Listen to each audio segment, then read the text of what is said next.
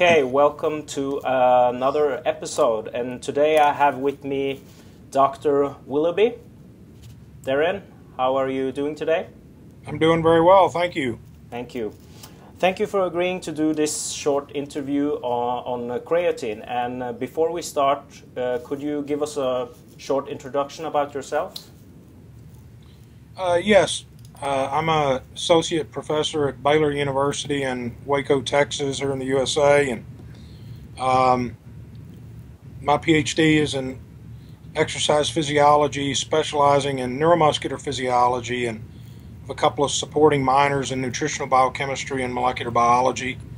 Um, my research deals primarily with the biochemical and molecular mechanisms that regulate muscle hypertrophy uh, and also muscle atrophy. So, um, in my lab, we do a lot of work with resistance exercise or resistance training, and in some cases, nutritional intervention, and that might mean various types of nutritional supplements and trying to determine effectiveness and efficacy of, um, of different types of training or nutritional programs on regulating some of the molecular pathways in muscle that are responsible for uh, hypertrophy, um, increasing muscle mass.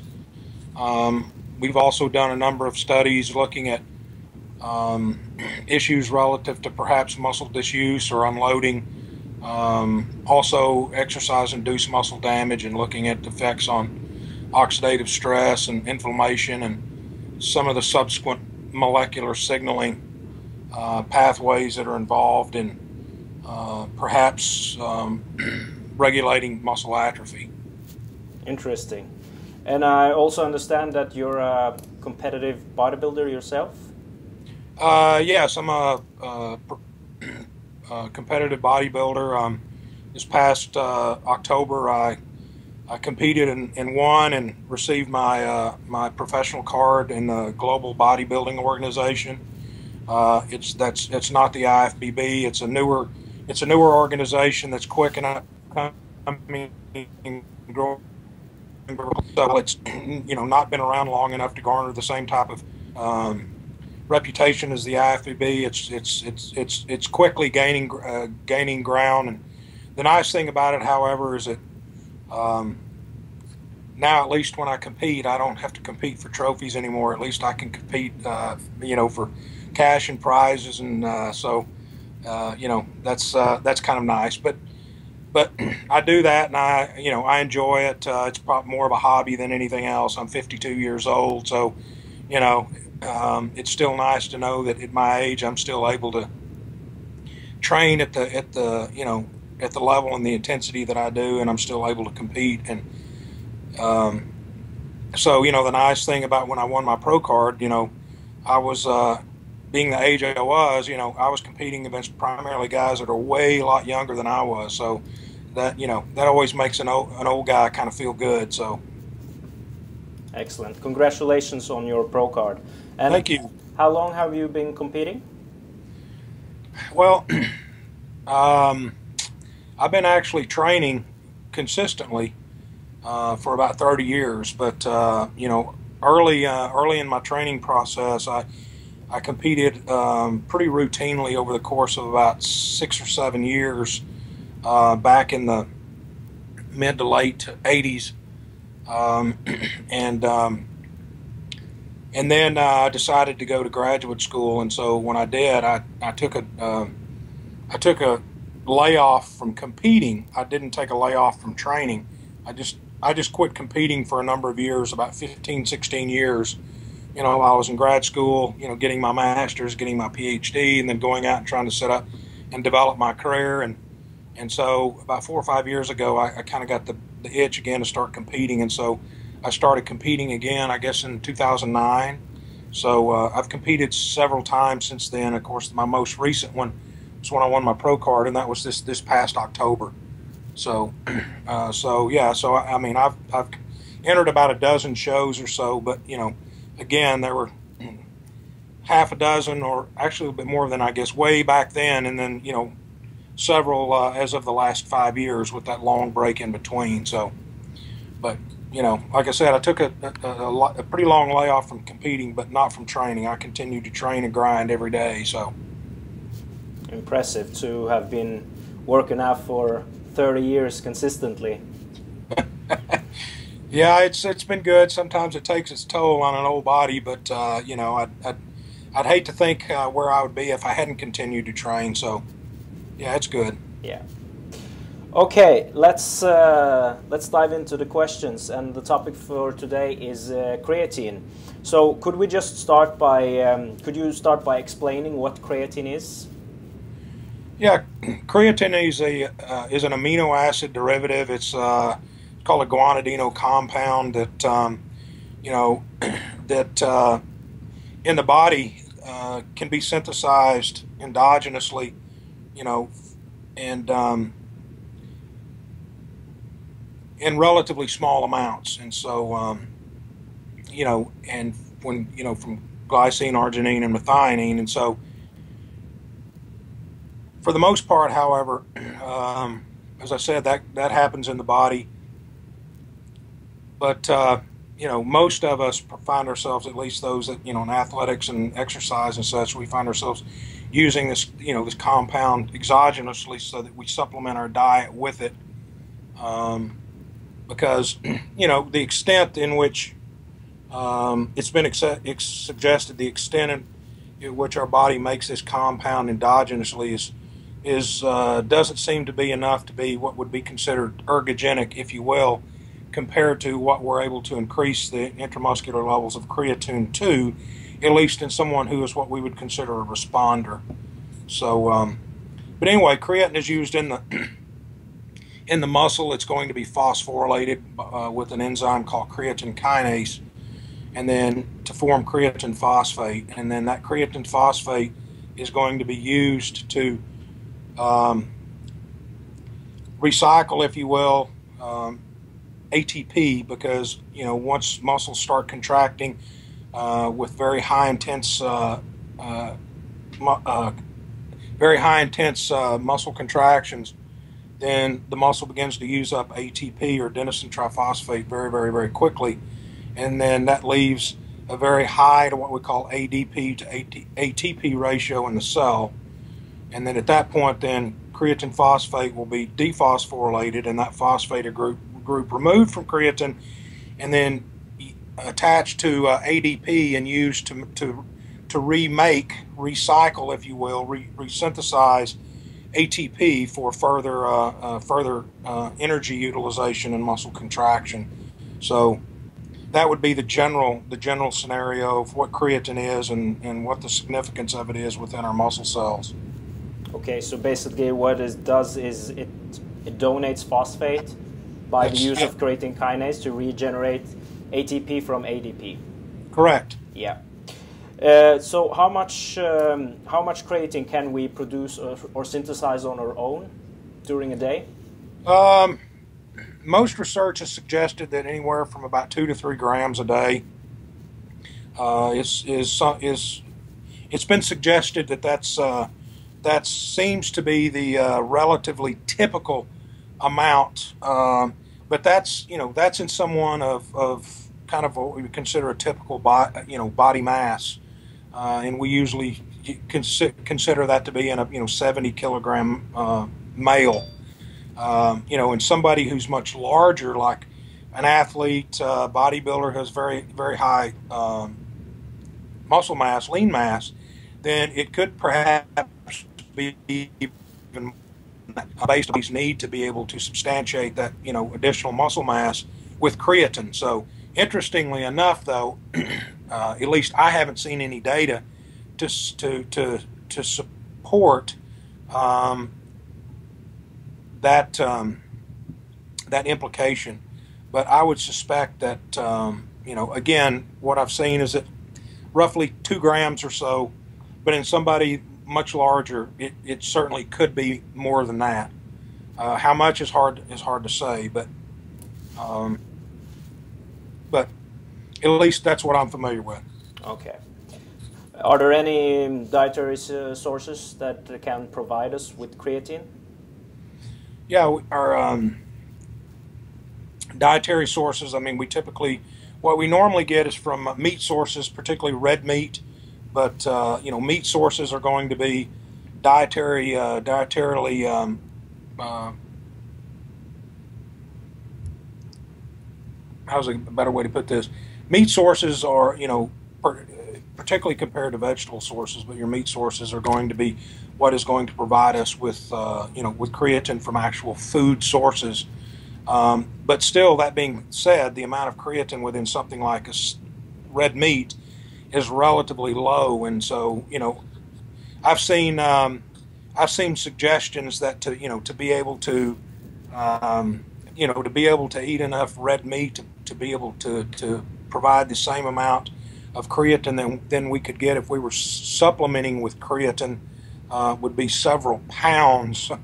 so most people don't just sit down and eat pounds of uh, pounds of, uh, of red meat at a time. So um, that's that would be where creatine supplementation um, via something like a you know a powdered creatine monohydrate, for instance, or other creatine derivatives could be beneficial in being able to try to augment the amount of creatine one is able to to um, in, ingest in their diet. Okay. You also mentioned something about responder, and uh, because we usually talk about people being responders and non-responders right. when they supplement with creatine. Right. Yeah. Um, it's kind of interesting that um, you know when we talk about creatine supplementation, uh, some people respond quite well to su- supplementation with creatine, particularly relative to being able to increase their amount of muscle creatine levels once they begin supplementing. Some people don't respond very well, and we we we label those individuals non-responders. Um, you know, there it's it's it's been a big question mark as to why that is, why some people respond, why some people don't respond. So we have responders versus non-responders, and we don't really seem to know exactly um, why that is. Um, and so, you know, there's there's been uh, suggestions that it could be due to um, the fact that there's some type of um, limitation in in a, in a non-responder, there could be some type of a limitation relative to the creatine transporter in the in the uh, the sarcolemma or the cell membrane in muscle, in which creatine is is uh, is taken up in the muscle through. Um, it's also been suggested that there could be a limiting factor uh, relative to simply the ability in, in an individual relative to their creatine kinase enzyme's ability to actually phosphorylate um, a certain amount of creatine once it's taken up into the cell. Because generally, uh, in, a, in a more typical scenario, usually about anywhere between 60 to 70 percent of creatine that's taken up in the muscle is going to be phosphorylated. So we'll have, say, 60 to 70 percent that's creatine phosphate, and the remainder will be unphosphorylated. So typically, we would consider total muscle creatine to be creatine phosphate and that free creatine that's not phosphorylated. So, you know, again, we don't we don't really know for sure what the issue is relative to differentiating between um, somebody being a responder and a non-responder. But you know, typically, um, and then I've also seen based on the, the number of studies we've done with creatine, you know, I've actually kind of thrown in a different term in there, what we call a pseudo responder, because you know we can see people who respond very robustly and people who don't and then people who respond moderately in between this, the so-called responder and the non-responder. So i've labeled those people pseudo responders um, but nevertheless we still really don't know for sure uh, why some people respond and why some people don't respond to, to creatine supplementation. Okay. I've seen some studies that vegetarians seems to respond very well when they supplement with creatine uh, yeah, I'm, I've seen some of those studies as well um, that that um, that have suggested that as well, and um, you know it's it's likely due to the fact that you know individuals who are vegetarians, you know, are not going to find themselves aside from you know what their body makes endogenously, the amount of creatine that theirs our bodies make endogenously you know, they're not going to be um, confronted with large amounts of creatine in their diet on a daily basis anyway, since they don't eat meat. You know, particularly if we're talking about vegans, if they don't eat meat, then again, there's their bodies are going to to not see quote unquote see uh, or experience uh, you know fairly large uh, increases or amounts of creatine in their in their in their uh, in their diet on a daily basis. So that being said, I've also seen some um, suggestions that that vegetarians their um, their creatine transporter could be hi- somewhat hypersensitive to uh, to creatine, and so when they do, when the muscle in the creatine transporter um, is confronted with larger amounts of creatine, then it's going to because it could could actually be to be um, taking up creatine at a much more accelerated rate than it would otherwise be. Interesting. Okay, next question is um, what advantages uh, is it to supplementing with creatine in regards to performance? Well, assuming somebody's a responder, uh, if they don't respond, then uh, there's probably no advantage. Um, but assuming somebody, you know, is, is a is a responder, even you know, somewhat a pseudo responder to a robust responder, then what what happens is that the, those individuals are going to find themselves increasing their their um, the, the, total amount of creatine within within their muscle. Uh, and so that being said, as as opposed to no supplementation at all, so what that does is that that it creates a potential uh, greater energy depot for resynthesizing ATP than it would otherwise be. So what what ends up going to happen is that those individuals will likely find themselves uh, increasing their anaerobic endurance. So, you know, they can find themselves perhaps increasing their muscle strength, perhaps increasing their, their power output. Um, in some cases, I've seen where strength, you know, strength gains haven't been affected dramatically. Power output has been. I've, then I've seen data to, to, to suggest that power output and strength hasn't been affected dramatically, but overall anaerobic endurance has been. For instance, um, duration in which those individuals can, can sustain a, a particular uh, exercise uh, exercise event. Let's say, for instance, in resistance training, could be total repetitions on a particular exercise, bench press, squats, leg press, shoulder press.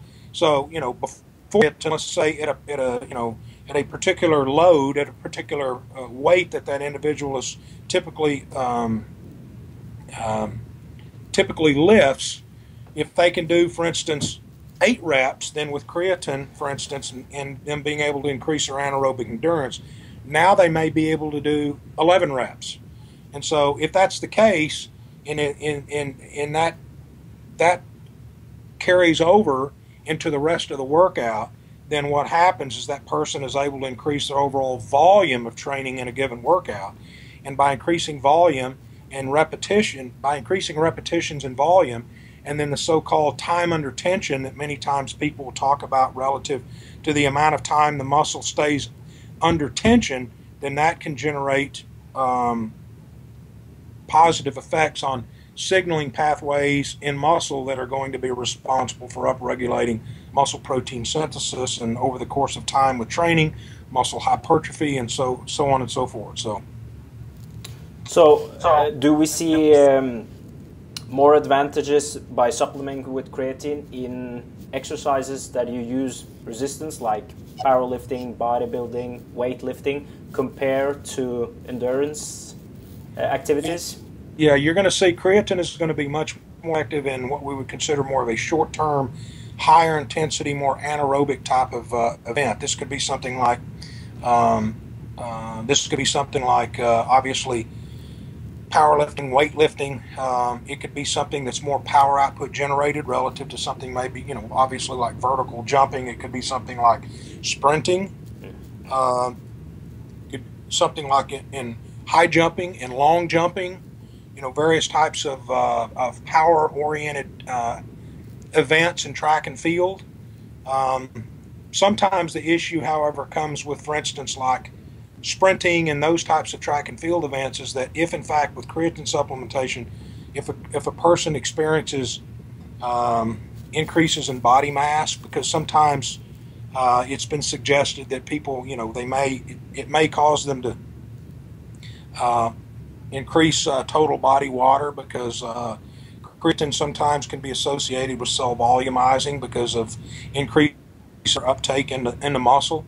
So if a person, you know, increases their total body mass by, you know, two or three kilograms, then, you know, perhaps then in, you know, when they're running a 100 meter dash, then obviously that might, that might detrimentally affect their time, even in, even in the presence of beneficial effects of creatine, because now they're having to, you know, obviously move a heavier body mass.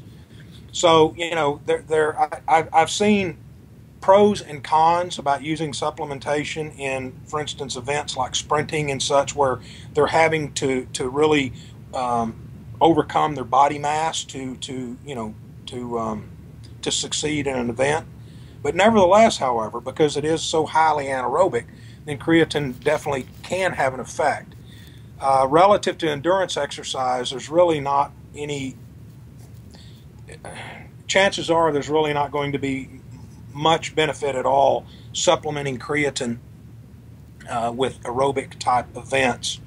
Now, I've seen some studies that that they've done that based on the fact that um, in muscle we have what we call a creatine transporter um, mechanism, where creatine um, is associated with shuttling, if you will, uh, ADP into the mitochondria. So when when when we're using aerobic metabolism, and the, and the ADP in the mitochondria are uh, are used to regenerate ATP uh, in, in, in conjunction with the electron transport system activity. Uh, then we can get an overall enhanced um, energy liberating effect that way. And that being said, it could be it could be suggested that people's overall performance output could be improved with creatine supplementation based on that scenario. However, the, the, the, the there's not studies been done using creatine mono, uh, creatine supplementation with endurance training haven't really shown any positive effects. Um, so it's very unlikely that creatine supplementation would have any type of robust ergogenic effect on aerobic uh, performance. Okay, excellent. So, what we safely can say is that uh, there's a a lot of research that uh, has proven that creatine works, uh, assuming you're a respo um, responsive person, and especially if you're exercising with uh, some sort of resistance. But are there um, are there any research in regards to creatine supplementation and general health, like for example diseases or other stuff like that? You know, actually, there are, and interestingly enough, is that um, you know creatine started out. So it seems creatine started out, uh, you know, being used uh, as a potential ergogenic aid. You know, relative to exercise in, for instance, you know, healthy or apparently healthy younger populations.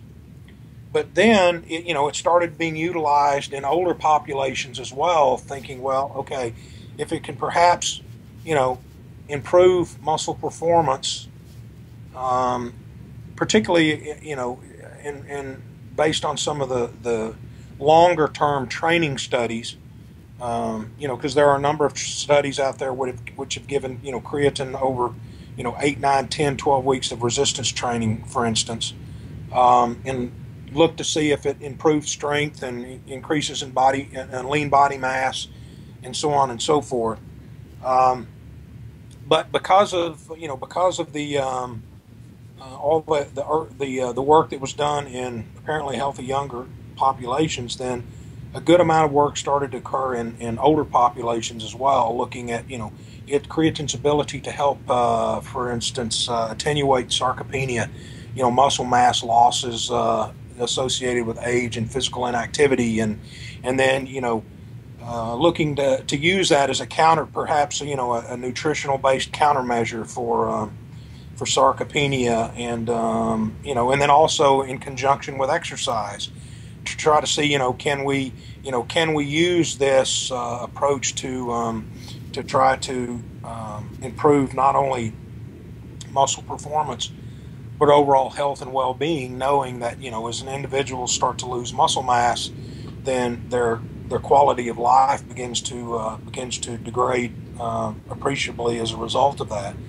And then there's a number of other uh, studies that have come out uh, that you know are more kind of clinical and medical in, in nature. And that's the interesting thing with creatine, as I was uh, trying to uh, point out earlier.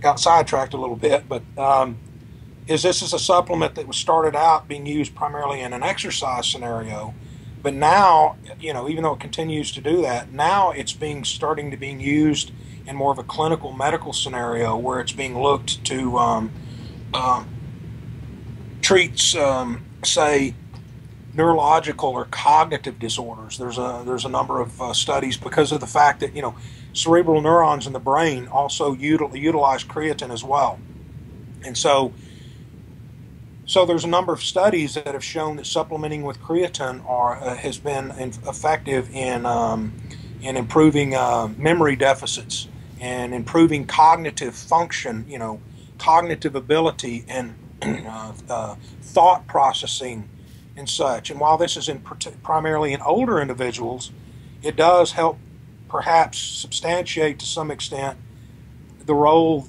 uh, of creatine in being able to um, uh, have a positive effect in these individuals um, um, as well. Um, I've seen some work uh, with creatine supplementation in trying to help improve dementia. Um, so, um, and uh, these situations of, of uh, early onset or pre Alzheimer's um, and you know there there are an, an, uh, a number of other scenarios as uh, as well. Uh, ALS is a is another one that uh, where creatine has been used to try to com- to to, to have a positive impact in the more, in the more clinical medical scenario. so um, yeah, so it go, you know at least at this point, creatine goes way beyond simply just the exercise arena. Um, it, it you know now it's uh, it's being uh, it's being utilized way way beyond that, and even the, the medical uh, arena as well. Okay, excellent. So um, there seems to be a lot of different creatine supplements on the market.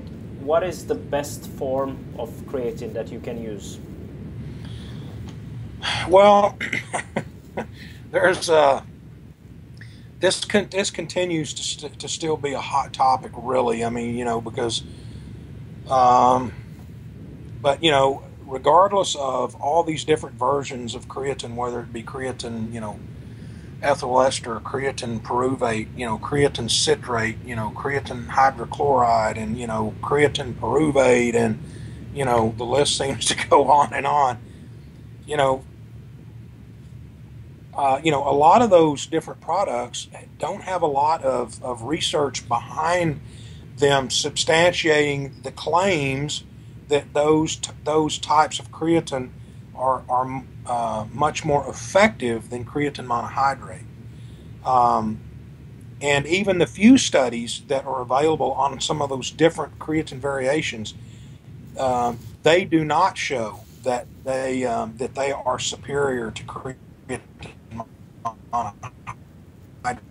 until more research uh, is done, until we have the data to suggest otherwise, um, it's it's my it's my uh, uh, it is my belief and the belief of a of a large number of my colleagues in this field that at this point in time, creatine monohydrate is the is is the best way to go. None of these other other creatine versions have been have yet been shown. The ones that have been uh, subjected to research, uh, none of them yet have shown to be superior than creatine monohydrate. I, I think I remember that uh, creatine ethyl ester actually showed that it converted to a lot more creatinine compared to monohydrate in, That's in research. Correct. That's and, correct. And they also did a comparison with um, pH buffered creatine compared to creatine monohydrate and didn't see see a superior That's, cor- that's correct. using. Yeah, that's correct. Okay, so creatine monohydrate is is the way to go then. Yeah, it, uh, at this point in time, again, unless you know, unless something comes up to prove otherwise, then yes, you yeah, that is correct. Okay, excellent. Uh, what about um, people talk about dosage if you only can use a maintenance dose or you, if you should um, if you you should load and if there's a time where it's more beneficial to take creatine supplementation what's your take on that Well, um, in terms of, and again, assuming someone is a, is a responder, Mhm. um, if somebody is going to be just training on a daily basis, all right, let's say resistance training, you know, they're going to, you know, they they they train every day, and so and it's something they're going to continue to do over the course of, you know, several months, for instance, or or even longer than that. Then, and then, and then they're going to start taking creatine. Then, in that particular case, I mean, there's really no reason why they should load. Um, because you know even at a so-called five to seven grams per day of a maintenance you know, typical maintenance that's the typical maintenance dose if you will that you know over the course of say several days i mean certainly within a week's time they're you know they're going to be able to for the most part fully saturate their muscle with uh, with creatine uh, so that they can begin to enjoy any any of benefits uh, from the creatine that you know that they expect to expect to gain. Um, so you know they don't need the so-called loading dose.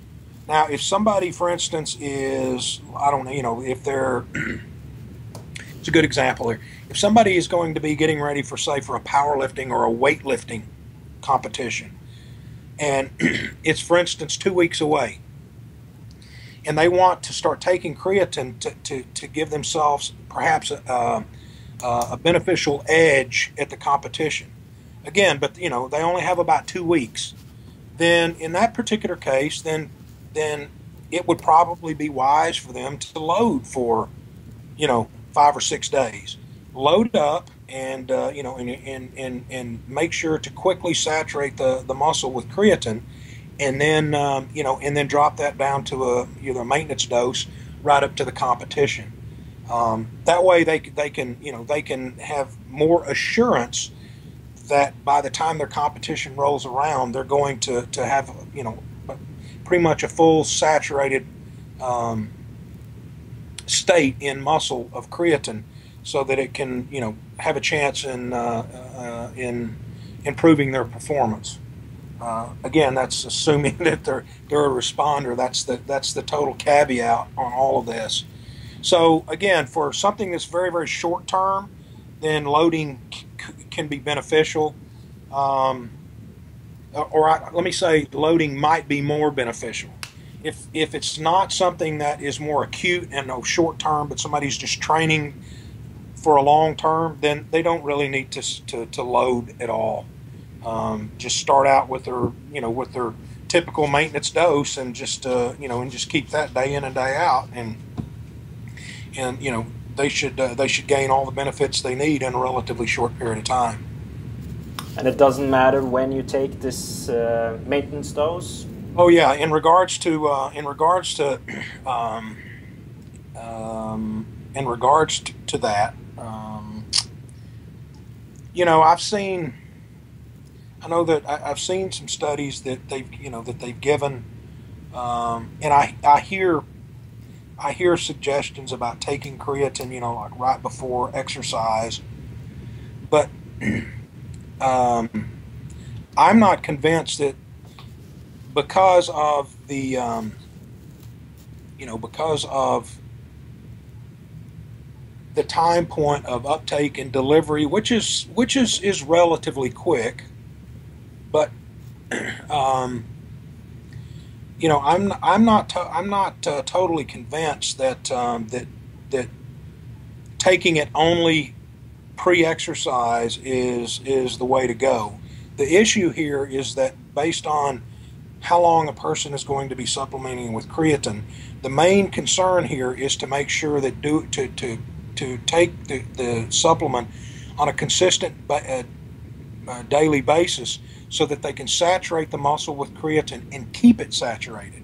So that means that it it really doesn't matter at what point in time it's taken during the day, just as long as it's taken on a consistent basis. If somebody prefers to take it every day right before they work they exercise, then fine. If not, then they may instead choose to take it earlier in the day. They may want to take it in the morning and they they wake up, uh, assuming that you know they're that is their you know that is their uh, their morning. I mean, if somebody is, has a job where they you know where they work on work all night long, then it may be a different scenario. But but anyway, I, think you see my point is that the time of the day. I haven't seen any data. I haven't seen any data that is that that um, strongly suggests that creatine should be taken you know, it's at, at, any point in time versus, say, right before a workout or right after a workout or whatever the case may be. Um, so, again, the issue is that it's taken consistently on a daily basis so that in, those individuals can um, improve the chance of maintaining um, an increased level of total muscle creatine content so that it's there to help them for the muscular activity that, that, that they want it for. Okay. Uh, and long term safety of using creatine, is this something you should use all the time or should you use it a couple of months and then go off the creatine? Um, that's a good question too. And I know um, uh, it, it, at one point there was a you know, there was a thought that, you know, creatine should be cycled, for instance. Uh, you get on it for, you know, four to six weeks and then you come off of it to four to six weeks because, uh, you know, you get on and you increase your muscle levels of, uh, you know, of, of, creatine. And then, um, and then over the course of time, if you stay on it, then you um, down regulate or desensitize the creatine transporter. And then for instance, that individual begins to lose the ability to, to maintain an, uh, uh, uh, a larger amount of muscle creatine. That was kind of uh, the, the suggestion. Um, and there was some there was some earlier animal uh, data uh, data in rodents that that suggested that that might be a possible scenario but um, but the data wasn't straightforward. It was uh, the data just suggested that there that there might be some down regulation of that of the creatine transporter. But that being said, is um, since then, and there have been others you know other studies that uh, that have come out where they've actually done more longer term supplementation with creatine that that doesn't necessarily seem to be the case either. So um, I've seen you know I, have seen and I've read and I've heard um, some academics in the field that have you know suggested that you know you can just take a daily, you know, daily maintenance dose of creatine for as long as long as you want, and it's not something that you need to come off of or cycle off of, if you will. So, um, you know, again, I don't necessarily think it's a situation where um, creatine would have to be cycled, if you will. Uh, is it something that someone could or should want to stay on all of the time? I mean, just day in day out for for longer long periods of time. You know i'm not real sure. Um, you know probably probably not. In terms if there's a safety issue with that that's likely not the case either. I mean you know you're talking about creatine monohydrate. This is a, a compound that our bodies make um, that our bodies synthesize on its own. You know, there's I've seen I've seen suggestions to say that you know creatine is going to be uh, you know chronic uh, chronic exposures to creatine is going to you know cause renal damage and and uh, you know hepatic damage, you know kidney and liver uh, damage, and of course you know I'm not convinced of that at all. Um, and there's there's been a few longer term creatine supplementation studies, like a year or so. That of course you know a year is not five years, but you know certainly a year is much better than say six weeks, but that you know that sh- that showed no adverse negative adverse effects of being on creatine daily for a year or so. So anyway, so like I said, I, I'm I I you know I personally based on my experience with creatine and, and what I've seen in the literature, I, um, I'm not convinced that there's really any uh, any reason to be alarmed relative to creatine having having any type of negative impact. So, okay, excellent. So, if we, if we take the typical maintenance dose that uh, a lot of people use, for instance, five grams, how much of that is actually absorbed by the body? Um,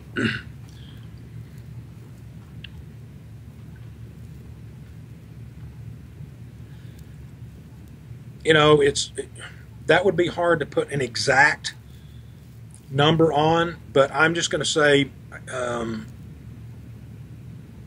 I'm going to say most of it, and the reason I say that is um, we have a study that we um, that is um, that we just recently submitted to a journal. It's not published yet, but it's um, but it's in um, it's in press where we gave um, for five weeks while subjects were doing resistance training. We had them take um, we had them take a, maintenance dose. We we had them we had them um, we gave them a maintenance dose about seven grams or so a day for five weeks, um, and load up for the first five days. So they loaded for five days, and then they dropped to a maintenance dose of approximately seven grams per day. And the maintenance, the loading dose was about 20 grams per day. And then we had them uh, drop to a maintenance dose for the for the remaining uh, four four weeks, uh, plus a couple of days. And what we saw after, and we, we you know we took um, at baseline, and after the after the fifth day of loading, we took um, we took urine samples, we took blood samples, and we took muscle biopsy. We took muscle samples. And so after that fifth day, what we found was that the, the levels of, of muscle creatine had, had, had increased dramatically. Um, and, you know, they were still had high levels of creatine in, in, in, in blood, in circulation. And in urine, the levels of creatinine in the urine um, was just, dramatic, extremely elevated. So what that was, what that implied is that you know after five days with a loading dose, these people were urinating out large amounts of the creatine that they had been that they had been ingesting. The interesting thing is, is that we did the same thing about halfway through the, the, the remaining four weeks um, at the end of the fifth week, and then we had them wash out for an additional four weeks where they didn't take any creatine at all. So at the at the halfway point, and after the fifth week of supplementation, only at a, at a loading, only at a maintenance dose, their creat their muscle creatine levels were still maintained. They really weren't much different than what they were after the five days of loading. They were still urinating out large amounts of creatinine, um, and so almost almost as much as what they were not quite, but almost as much as what they were urinating out after the five days of loading with 20 grams.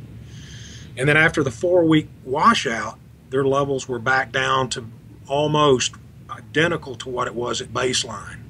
So I'm setting this scenario up because, you know, even though it's hard to say what that actual number or percent is, I will say this is that even, you know, over the course of, say, four weeks, I mean, after five days of loading, and then the remaining, say, you know, almost four weeks of a, of a maintenance dose, while those individuals were maintaining their muscle creatine levels, they were urinating out large, large amounts of creatine. So, what that suggests is that those individuals, the dose that they were being given on a daily basis was more than enough to maintain muscle muscle creatine levels, but yet it was it was you know, but it, you know, it was in excess also of what their body was able to absorb because of the large amount of creatinine that they were urinating out. So, based to answer your question, I that being said, I would say based on you know five to seven grams that one that one would take in, I would say that the body assimilates most of it. Is there is there something you can do to better the absorption? Because some people seem to struggle with uh, um, upset stomach from taking creatine monohydrate. So, is there a difference if you take it with cold water compared to warm water, for example? Well, that's interesting because that's that's that's one of the primary reasons I don't take it because it does upset my stomach. Um, and so, you know, I've tried. For me, I've tried taking it, mixing it with warm water, cold water. For me, it doesn't really it doesn't really help. Um, so I don't really take creatine myself. I really don't take creatine, and it's not because I wouldn't, because I, I you know I think that I could get some benefit from it, but the you know the the gastric uh, distress that I get from it is just it's not worth it. So um, you know, some people you know feel that um, warm water will help solubilize the creatine better than than in cold water. Um, you know, whether or not that's exactly true or not, not sure. I would just say that you know if if people find themselves um, struggling with gastric upset with cre- with uh, creatine, then you know try try it with either warm water, or cold water, and see if it makes a difference. If one you know if one does make a noticeable difference, then that's the one you want to stay with. Uh, if neither one of them works, then um, um, then um, and there may be there may be um, other alternatives that somebody could try. You know, I know that there's some of the uh, you can get some of these chewable creatine tablets um, that um, you know they kind of have a like a lemon lime citrus uh, taste to them.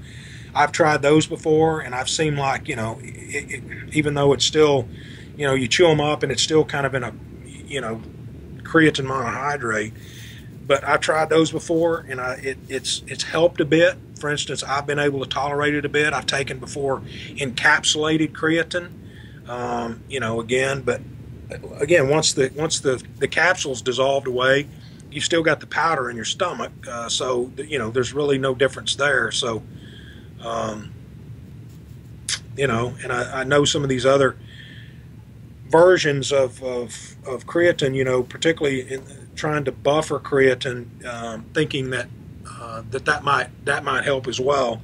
I mean, I've heard of people baking soda to try to um, you know help uh, buffer the uh, buffer the stomach acid a bit so that uh, they could tolerate creatine better. Um, so I'm not sure that that's overly effective as well. But uh, anyway, so that's probably the best the best I can do on that on that answer is that you know there's just no uh, you know I've heard of people trying different uh, different uh, routes to try to get around around this issue. Yeah. Um, so that's what I would suggest is just is just try to experiment and try to find something that might might work for for someone. What works for one person may not work for the other.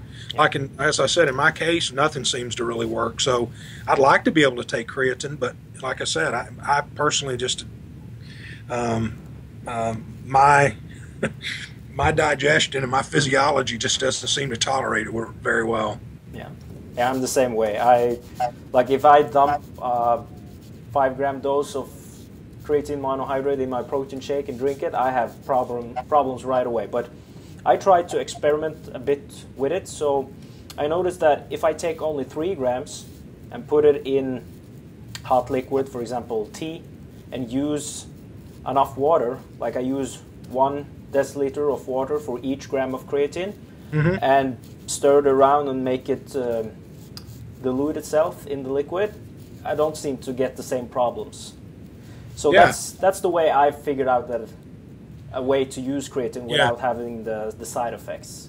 Well, that's uh, you know, and that makes sense to try to to try to dilute the concentration out out a bit. And uh, um, I you know I, I have a uh, I have a friend um, that I train with some. He's kind kind of similar to me, very similar to you. And what he'll do is he'll just split his he'll he'll do that. He'll split his his dose up into several doses throughout the day he can't tolerate, say, you know, a full creatine dose at a time. So he'll just take, you know, one or two grams at a time over like four or five times through, throughout the day, and and that seems to work better for him. Um, and so, but it's something it's something that he just kind of like you he experimented with and he found something that seemed to work for him, and so that's what he does. Yeah. I know that they also used to do that in some of the earlier studies that came out on creatine. They used to use hot tea to dilute the, the creatine, hot liquid. Yes, yes, yeah. yes. Yeah. Okay, um, final question. Uh, in regards to creatine and um, activation of satellite cells, could you briefly explain what satellite cells are and how creatine affects them? Um, yeah, satellite cells um, are what we call um, muscle stem cells. These are, are these are undifferentiated um, myoblasts, or these are, uh, for instance, these are, are muscle cells that never actually able, never actually grew up that's kind of the way I, I use it to explain it to my students. You know, so uh, you know when when we're conceived and, and you know uh, and as we as we grow from a you know from an infant to an adult, you know most of our cells will will grow and mature with the rest of the body, and satellite cells don't do that. They stay in this um, in this uh, immature state, and they never grow and they never mature. Uh, they're located uh, under beneath the sarcolemma between the the uh, base uh, basement membrane or the basal lamina and skeletal muscle, and they just sit there. They just sit there quiet and what we call quiescent. They're you know they're just uh, and when we say they're undifferentiated, that means that they never proliferated into actual full mature muscle cells. Um, and so we know that there, there are ways in which we can activate satellite cells. Um, muscle damage is one because satellite cells are involved in in, reco- in recovery and rejuvenation and and um, uh, that process in which muscle is involved in in uh, in response to um, damage. We know uh, that um, muscle contraction, particularly kind of higher force contraction, say with resistance training, will also stimulate satellite cells. Um, we also know that uh, now that there are some nutritional interventions that's that also can play a role in activating satellite cells. Um, there was a study done several years ago, I believe in um, 2007, with uh, uh, Olsen's group. Um, uh, just very, just a, a, just a simply elegant study um, where they, over the course of say 16 weeks, they had people do resistance training, either you know with no training or there was just training. A, a group that did training with protein, whey protein or a group that did uh, training with uh, with with creatine, um, creatine monohydrate supplementation, and they showed that the group that that uh, received the creatine uh, had a greater increase in satellite cell activity, uh, the number of satellite cells that were activated, and this is important, and it also, in the end, that group they you know they underwent uh, greater uh, increases in in uh, indicators of muscle hypertrophy and in muscle strength. And the way that satellite cells work uh, once that they're activated is they go through, uh, you know, a process of of uh, differentiation and the proliferation. and then they will form something called a myotube that contains even though these myotubes they, they don't they, they have no contractile properties at all so they don't contract like an actual muscle uh, they're multinucleated um, like a mature muscle fiber so these myotubes end up instead donating their nuclei to pre-existing mature fibers and so now these muscle you know now muscle fibers have have more nuclei, and, and having more nuclei means more DNA, and having more DNA means having a greater number of muscle-specific genes that, when expressed, can uh, play a role in um, um, increasing muscle protein synthesis. So over the course of time with training, this this obviously means uh, potentially uh, greater impetus for muscle hypertrophy and performance uh, improvements uh, as well. Now, based on based on how creatine um, plays a role in this. And I know we we did a study with creatine supplementation in response to um, training as well, uh, and this was before the Olsen study. Um, and our study was done kind of uh, in response to a study I think that was published in 2004 out of Peter Hespel's lab where they gave creatine supplementation over the course of time. And their study and, and our study showed that that it um, increased the content of a of uh, myogenic regulatory factors in muscle that are um, known to play a role in activating satellite cells. Um, and the, these myogenic regulatory factors um, MyoD, myogenin, MRF4, MYF5. Hespel's uh, study, my study, showed a greater effect on the MRF4 myogenic regulatory factor, um, and that that regulatory factor we know has a has a, a, critical role in activating satellite cells, based on you know its role as a um, as a regulation as a regulation factor and also as a transcription factor as well in, in uh, upregulating gene expression.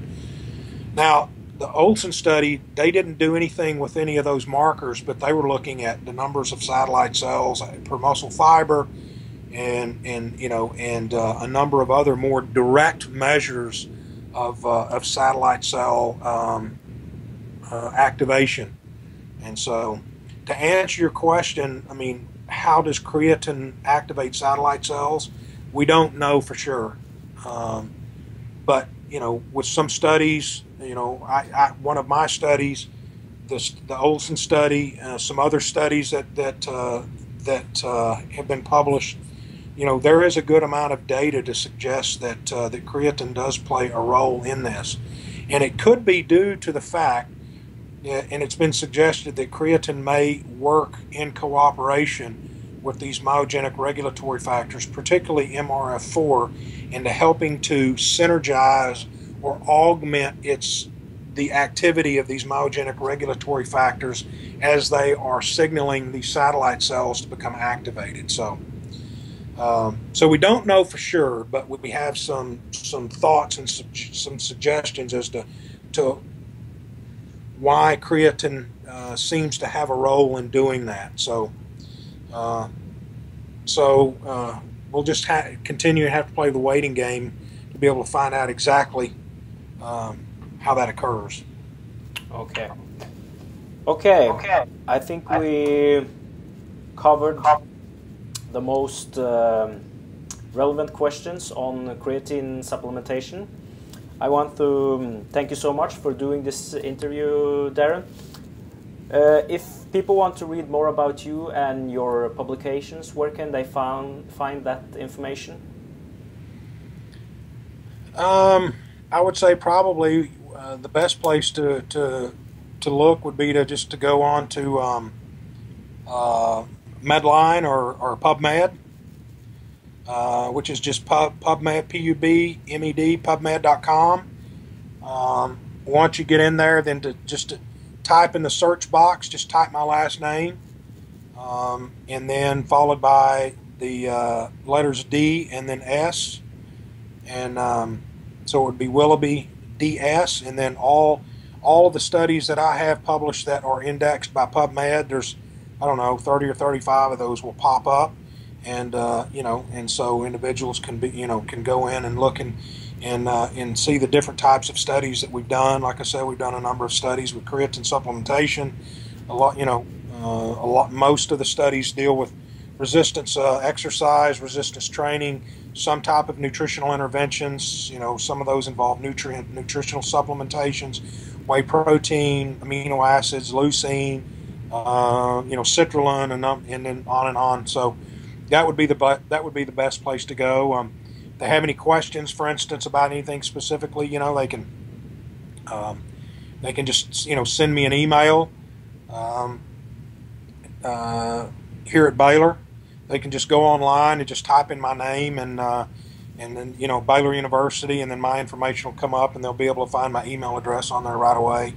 Um, so, or they can type my name in and search for me on Facebook. I have a more I have a, have actual more business related page on Facebook where I, uh, fairly often I'll post uh, on there about the studies that we're doing and studies that we've had coming out, or post uh, information on there about you know, about um, exercise, sport nutrition, resistance training, and so on and so forth. So, as I said, it's more of an educational based uh, uh, based page. So, you know, they can search for me there and request request for me there or follow me on there as well. Okay, excellent. Uh, once again, Darryn, thank you so much for taking the time to to do this interview, and um, have a nice day thank you very much. It was uh, I enjoyed doing it. It's an honor and a pleasure. And uh, um, you any about way, then don't hesitate to contact me. I will. I will definitely do that again. Uh, I I know that we have a lot of other topics we can also discuss with you. So thank you so much. All right, thank you, my friend. You take good care. You too. Bye bye. All right, bye.